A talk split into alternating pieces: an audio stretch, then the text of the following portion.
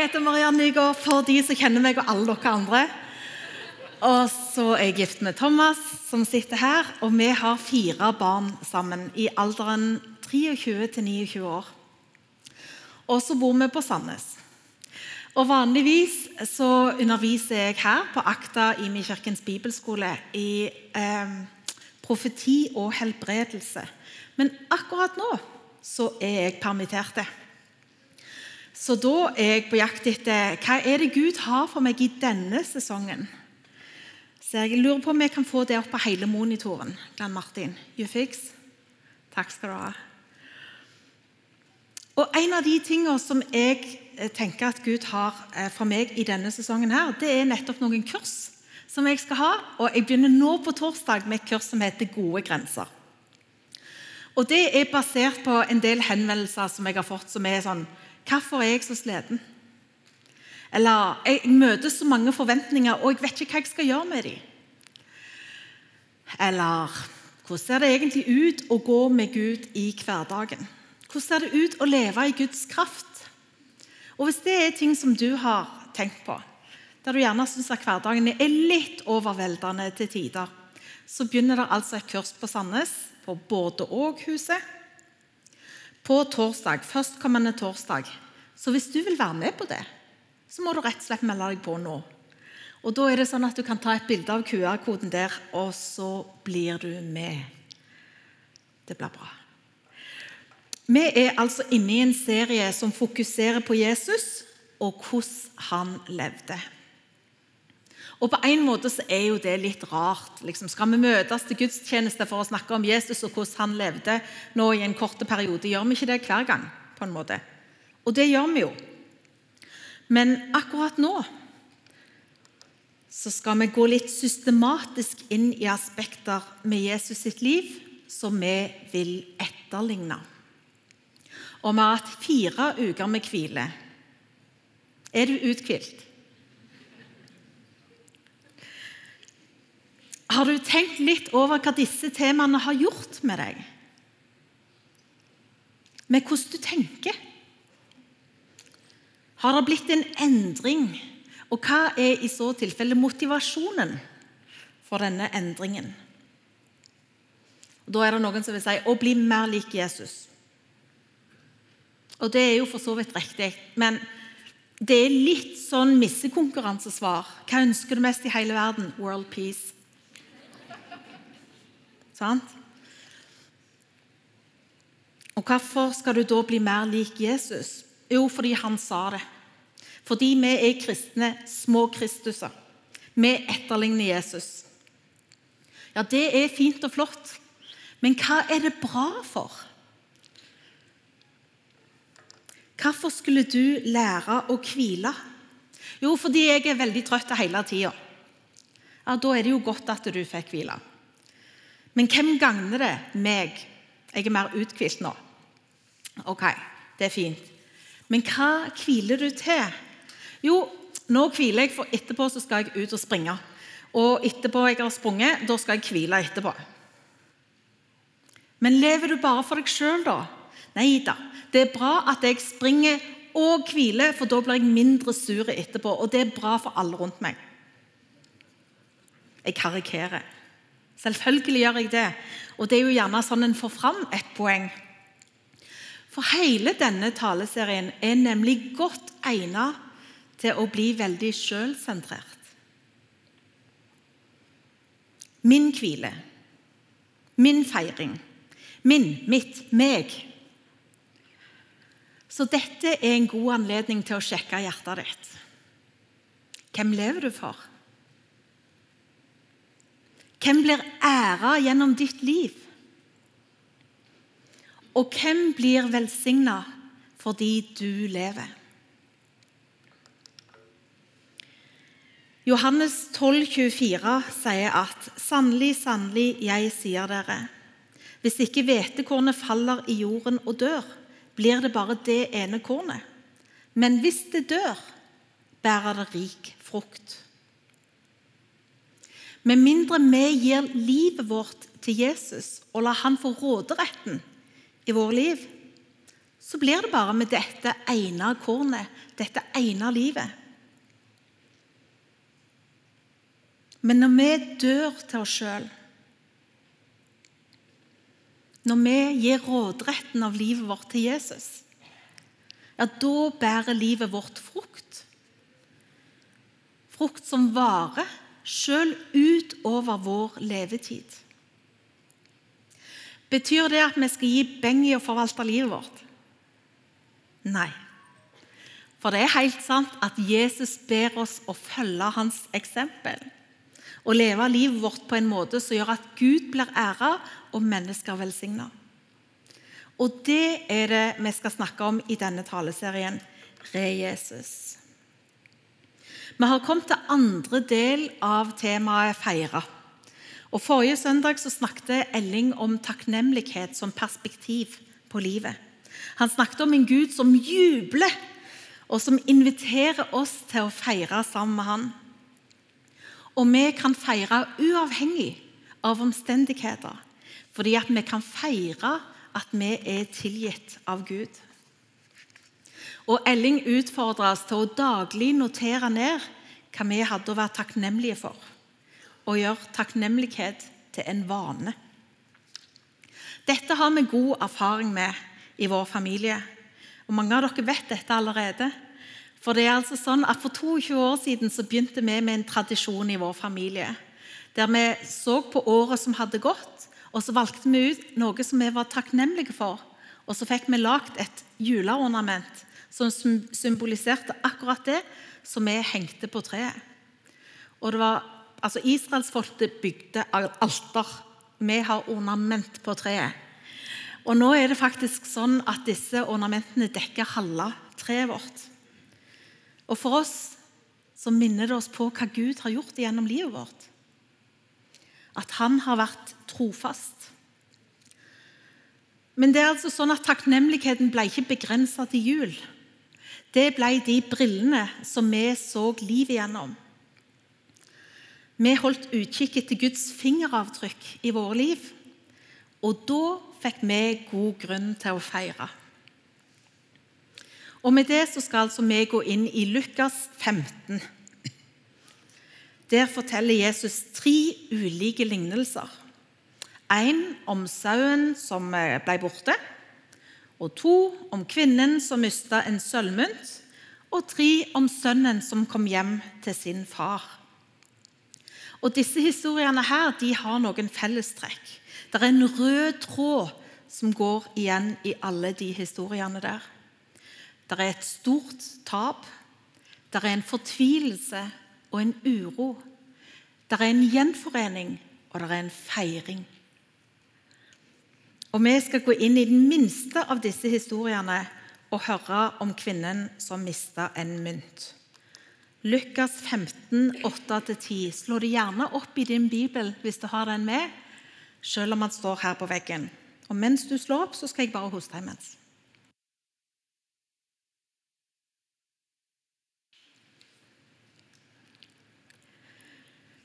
Lukas 15, 8-10. Eller om en kvinne har ti sølvmynter og mister én, tenner hun ikke da en lampe og feier i hele huset og leter nøye til hun finner den? Og når hun har funnet den, kaller hun sammen venninner og nabokoner og sier, 'Gled dere med meg, for jeg har funnet igjen det pengestykket jeg hadde mistet.' På samme måte, sier jeg dere, blir det glede blant Guds engler over en synder som vender om.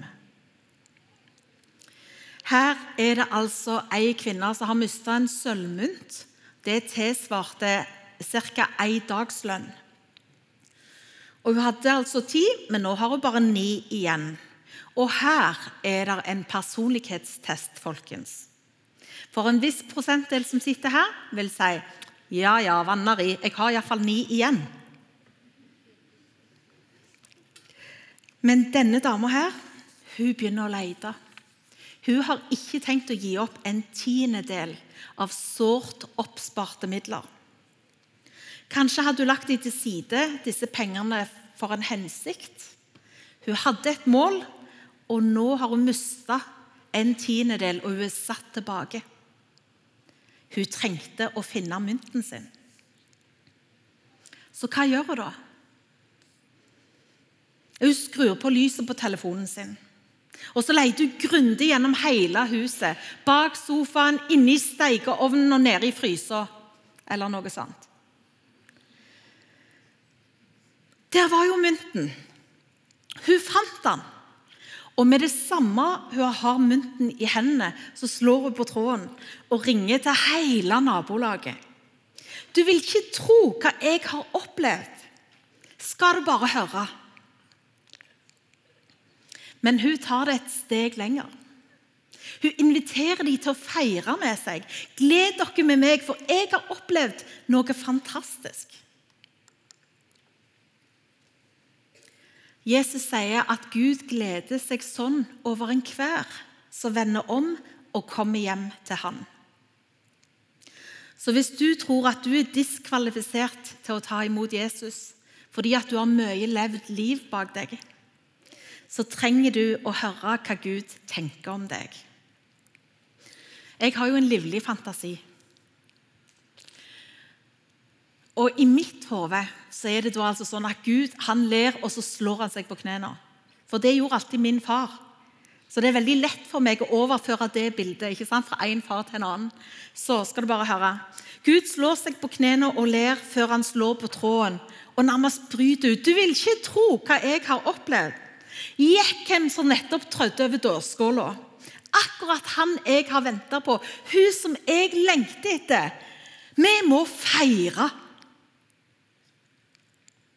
Og vår Gud, han kan feire.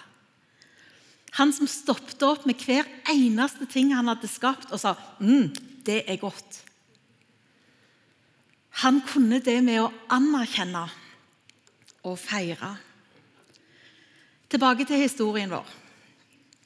Jeg liker at hun dama kaller sammen samtlige for å fortelle at hun har funnet mynten sin. Hun deler sin glede med andre. Nesten som hun setter døra på gløtt og gir dem en del av sitt lys. Se her. Jeg har opplevd noe fint. Det kan du få del i hvis du vil.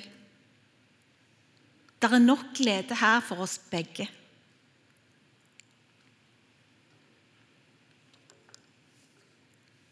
Da vi var på vei hjem fra USA etter å ha opplevd et stort under, så var jeg bekymra for å dele det.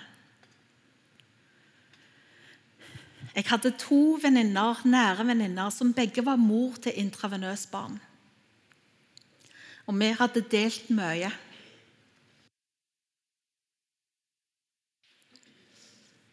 Og jeg var redd for hvordan de skulle reagere når jeg fortalte dem hva som hadde skjedd med vår sønn.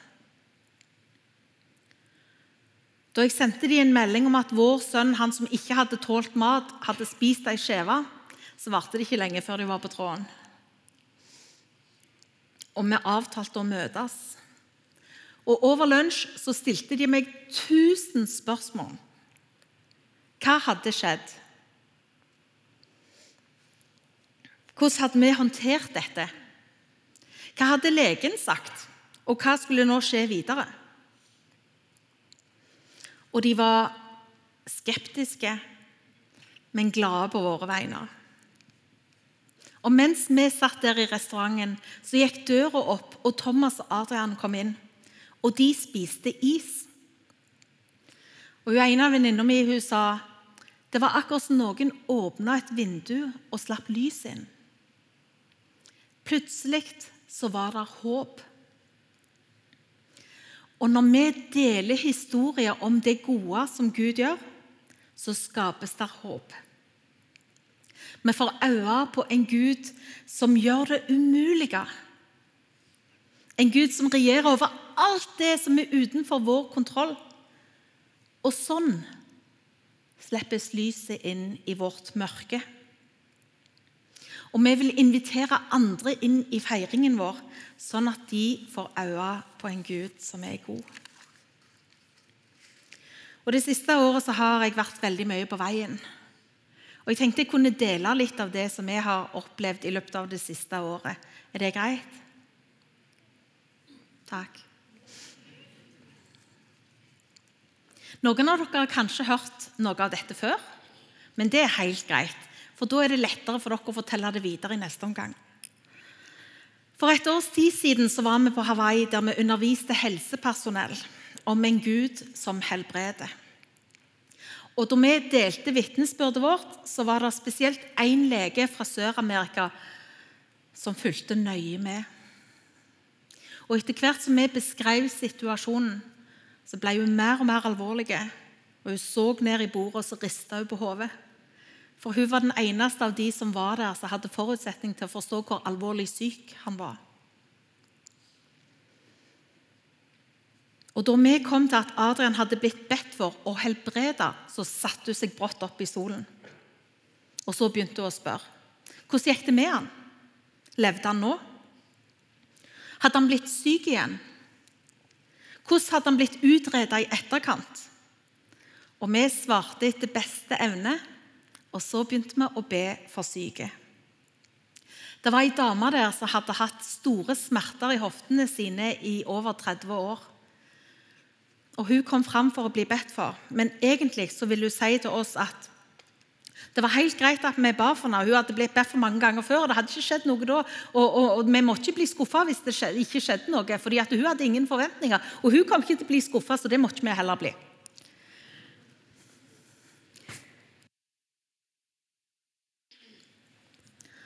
Så ba vi for henne da, tre ganger. Og til hennes store overraskelse så ble hun helbredet. Og Så kom det ei eldre dame fram. Og Så sa hun litt snurt at jeg òg har hofteproblemer, men hun slo meg til å komme fram på det kunnskapsordet. Og så ba vi for henne, og så ble hun helbredet. Og mens hun sto der, så sa hun jeg har forresten vondt i knærne òg. Og så ba vi for knærne hennes, og de ble helbreda. Og vi ba for flere andre ting òg og flere ble helbreda. Og nå høres det ut som at alle de vi ba for, ble helbreda. Og sånn er det jo ikke. Vi kan ikke helbrede noen som helst, men Gud kan. Og det var ganske mange som ble helbreda den dagen. Tilbake til klasserommet på Hawaii. Legen fulgte oppmerksomt med mens vi ba, og hun takket voldsomt etterpå og sa at hun hadde fått mye å tenke på. Senere fikk vi høre at hun hadde gått inn på rommet sitt og så hadde hun facetimet familien som var hjemme i Sør-Amerika. Og så hadde hun fortalt om dette som hun hadde hørt om, det som hun hadde sett og det som hun hadde erfart. Og så sa hun, 'Mamma, du er jo syk. Kan jeg be for deg?' 'Ja', sa mor. 'Det kan du gjerne.' Og der over FaceTime til Sør-Amerika så ba hun for mora, og mora ble helbreda. Men ikke nok med det. Venninna til mora hun var i rommet, og hun ble helbreda for sin plage. Er ikke Gud god? Jeg syns det er fantastisk. Gud elsker å vise hvem han er. Og i mitt hode da, så slår han seg på knærne. Og så sier han, 'Se der! Der oppdaga hun hvem jeg er, og hva hun har tilgang til.' Er det ikke fantastisk? Det skal komme godt med når hun skal ut som misjonslege. Og så feirer han. For han elsker når vi får tak i hvem han er, og hva han har gjort tilgjengelig for oss. For en måneds tid siden så var jeg i nordfylket. Nordmisjonen arrangerte Damenes aften. Eh, først i Tysvær og så på Karmøy. Og Da var opplegget sånn at det var mat, og så var det lovsang, så var det tale, og så var det forbønn. Det var gangen i kvelden. Og Da vi kom, så hadde de altså først til Stemnestaden, så hadde de lagd mat til 60 mann. Og så begynte folk å dette inn. Og det var liksom det ble fullt i spisesalen, og de satte inn bord etter bord etter bord, ekstra stoler. Til slutt så var det sånn de sa du må bare sitte i rom på sida. Bare finn en plass der du kan sette deg ned, så du får spist. liksom. Og vi slutta å telle når de hadde kommet til 120. Vi visste det var mat til 60. Nøkternt porsjonert.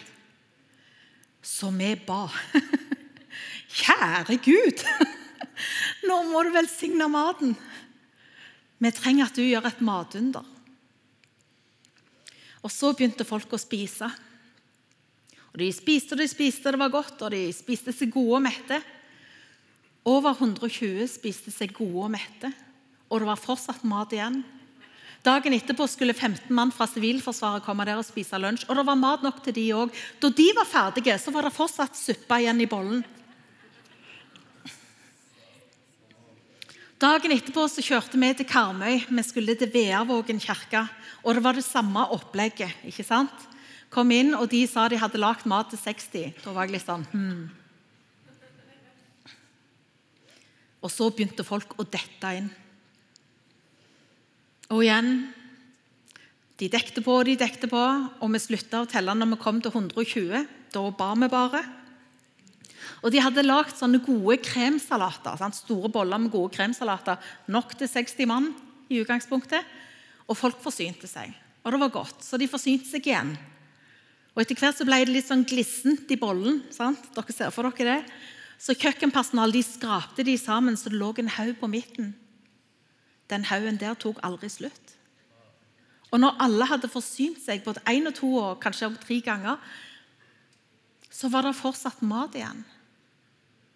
Er ikke Gud god? Om dere opplever sånn hver dag For det er lite respons. Er dere klar over hva Gud har gjort?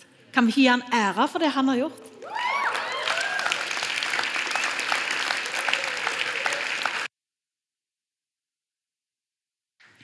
Matunder i Norge, er ikke det nesten uetisk da? Her har vi jo nok mat. Men så er altså Gud den samme i Norge som han er i Mosambik. Han velsigner maten så vi har nok. Han er den som du vil ha som gjest på festen din, særlig hvis du begynner å gå tomt for drikkevarene. Og Jeg har delt disse historiene med mange. Og Felles er at det forandrer hvordan vi tenker. Og De jeg deler det med, de ber større bønner de regner med Gud i hverdagen sin. De tilber Han som regjerer over det umulige. Og nettopp derfor er det så viktig at vi deler. Da Adrian ble helbredet, var det folk i vår nære familie som ikke ville si det til noen. For tenk hvis de ble lei seg. Tenk hvis de strevde med sykdom selv eller hadde sykdom i familien sin, da ble det kanskje vanskelig for de å høre om noen som ble helbredet. Og det siste de ville, var å legge stein til byrden. Nei, da var det bedre å la være. Og så gikk folk glipp av håpet, av lyset, av gleden. Det er dårlig gjort å holde gleden for seg sjøl.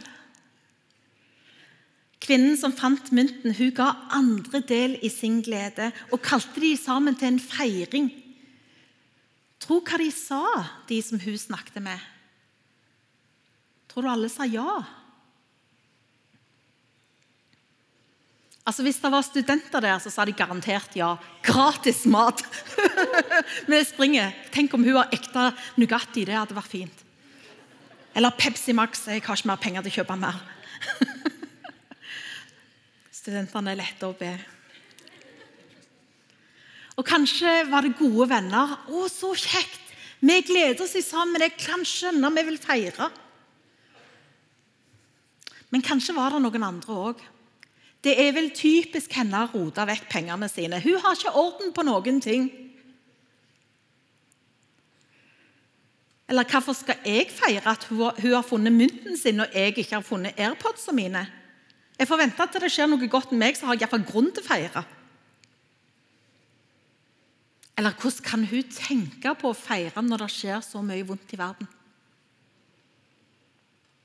Det er ikke det at jeg har det vondt, men noen andre har det vondt kanskje, og da kan de bli krenka. Og så velger en seg inn i second hand offense.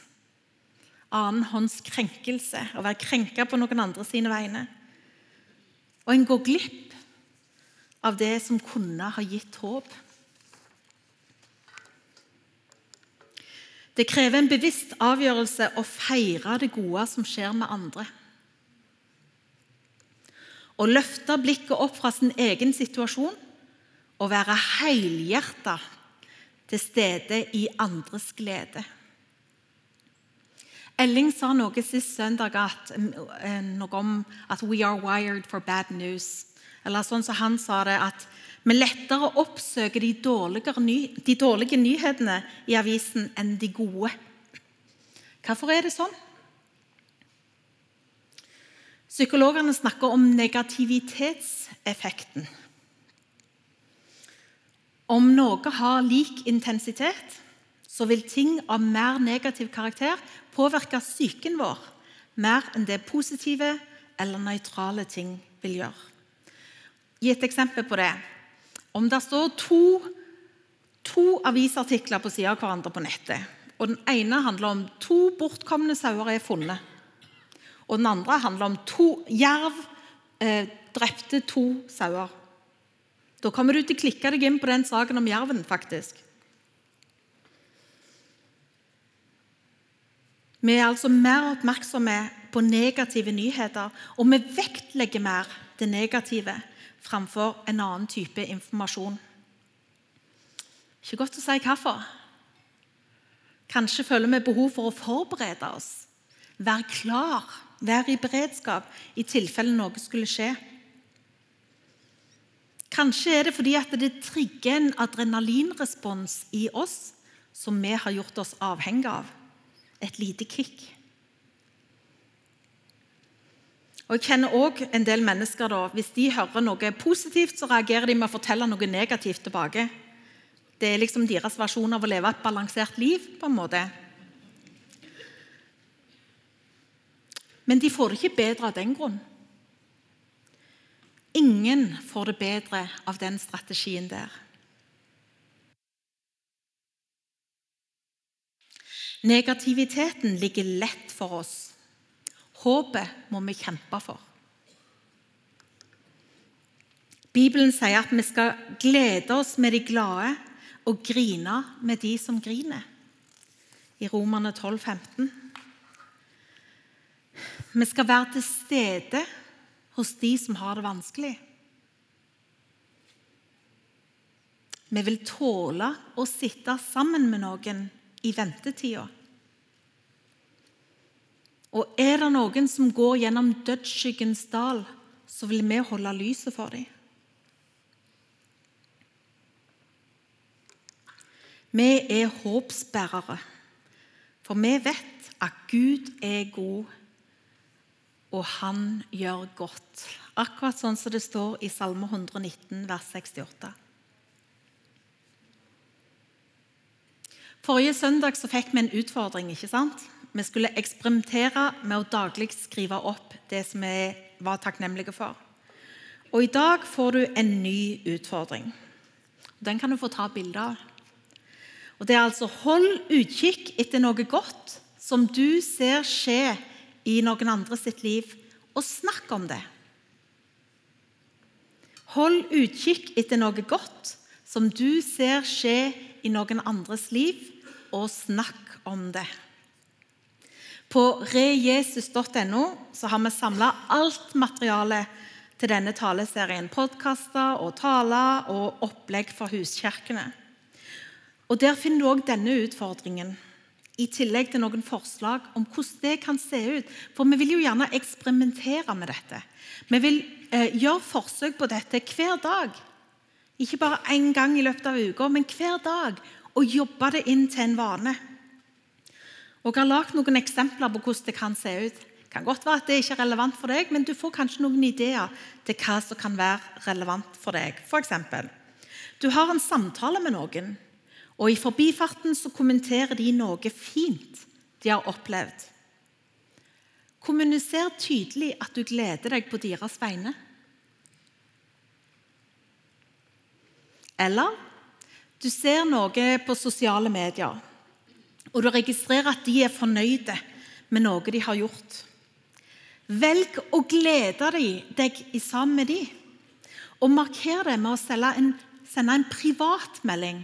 Altså Ikke bare trykk hjerte eller tommel opp eller skrive noe under, men send dem en privat melding der du kommenterer hvorfor du er glad for deres vegne. Du er på trening og opplever at noen ikke er fornøyd med egen innsats. Leid etter gullet, det de kan være glad for. Og nå, folkens, nå må dere ikke misforstå med vilje. Det er altså ikke sånn 'Å nei, jeg klarte ikke det målet som jeg hadde satt meg før.' Nei, nei, men i det minste har du fine tenner. Det er ikke sånn. Sant? Dere skjønner det? Men der noen er misfornøyd med egen innsats, så leid etter gullet og kommenter det som de kan være glad for. Og legg merke til hvordan de reagerer. Og Det kan godt være at du ikke har opplevd det gode sjøl. Men sørg for å benevne det gode som du ser skje med andre. Og Sånn skaper vi også godt jordsmonn i eget liv. Og Ofte så kan det være vanskelig å få øye på gode ting som vi opplever. For vi rusher liksom bare videre til neste ting som krever vår oppmerksomhet. Og så glemmer vi hva vi har å være takknemlige for. Kanskje kan andre få hjelp til å få øye på Guds inngripen i livet deres fordi du setter ord på det. La det bli sagt om oss at når noen er sammen med oss, så får de øye på hva de har å være takknemlige for. Her er noen spørsmål til samtale i huskirkene. Ta gjerne bilde av det òg. Hva har du å feire? Hvordan kan du gi håp til andre? Hvordan gjenkjenner du Guds inngripen i de du har rundt deg? Og hvordan kan du oppriktig glede deg på andres vegne? Da tror jeg det skal være duka for gode samtaler i huskirkene og rundt omkring i fellesskapene. Men husk dette. Sørg for å invitere andre inn i gleden din. Ikke la feiringen bli navlebeskuende og egoistisk. Men sett fokus på hva Gud gjør i livet ditt, og la andre få del i det. Og samtidig hjelp òg andre til å få øye på hva Gud gjør blant dem. Gled deg over det gode som skjer med dem, og feire sammen med dem. For vår Gud er god, og vi vil feire det som han feirer. Skal vi reise oss og be sammen?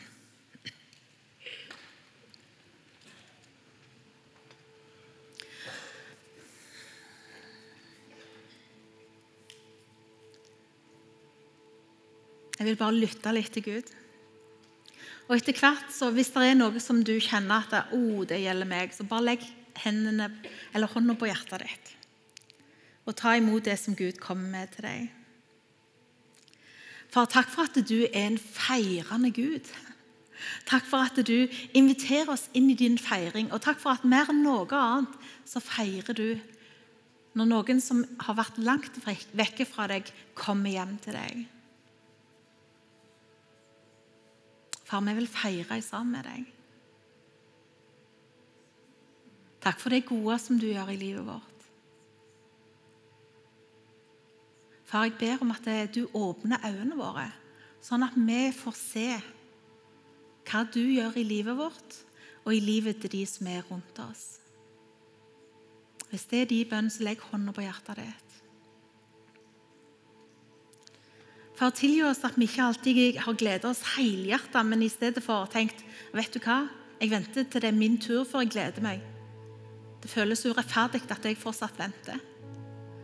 Men la oss få glede oss helhjertet for det som du gjør i andres liv. Og far, La oss være håpsbærere og lyktebærere for de som, som går i mørket, og som har det vanskelig. Vis oss hvem du sender oss til. Og allerede mens vi står her, fortell oss hvem er det du minner oss om, så vi skal få gå nær. som vi skal få holde lyset for. Som vi skal holde utkikk etter ditt fingeravtrykk i deres liv for. Som vi skal få feire sammen med. For vi elsker deg. Vi elsker å være med på det som du gjør.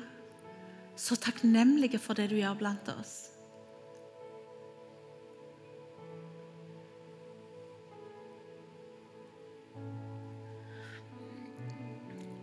Bare bli værende i dette. Men jeg kjenner spesielt på dette. Den siste delen av historien der, der det står at Gud gleder seg like mye for hver en som vender om og kommer hjem til ham. Og hvis du er her som har på en måte levd langt vekke fra Gud, eller som har diskvalifisert deg sjøl fordi at du vet, du vet hva du har gjort, eller hva du har vært en del av, og det vet Gud òg, så det er garantert ikke plass for deg, så vil jeg bare si at det er løgn.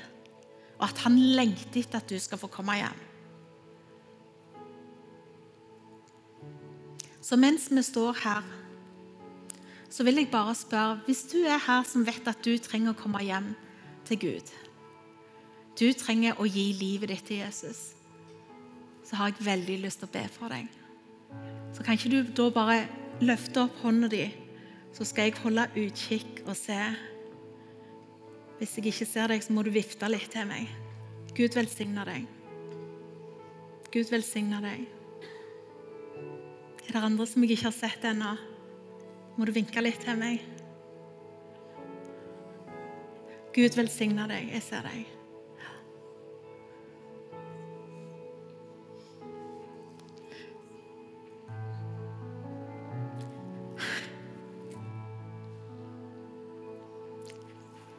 Kan du se for deg at han slår seg på knærne og sier 'Gikk hvem som nettopp kom hjem'?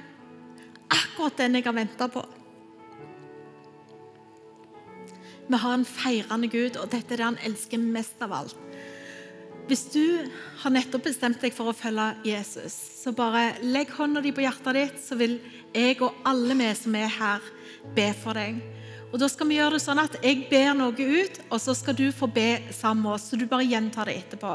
Kjære Gud, nå kommer jeg hjem. Takk for at du tar imot meg. Takk for at du tilgir meg alt jeg har gjort galt. Takk, Jesus, for at du levde det livet som jeg ikke kunne. Takk for at du betalte prisen for meg. Og takk for at navnet mitt nå er skrevet opp i livets bok. Takk for at jeg får leve livet mitt for deg. Og takk for at du bor i meg. Amen. Hvis du har tatt imot Jesus i dag, så vil jeg eh, sterkt anbefale deg å gå til forbønn etterpå, sånn at andre kan få feire sammen med deg og òg be for deg og gi deg den beste starten på det nye livet ditt sammen med Jesus. Hvis du har andre ting som du ønsker å bli bedt for, så er du så velkommen til forbønn helt der nederst på din, bak til på din venstre side. Høyre side. Høyre side. Ikke så lett, dette. Men hvis det er noe som Gud har minnet deg på, så ikke bare hopp bukk over det. Bli værende i det. Og nå inn i lovsangen, så ha denne samtalen med Gud. Lytt til hva han forteller deg. Hvem er det han minner deg på? Hvem er det du skal feire sammen med? Hvem er det du skal holde lyset for?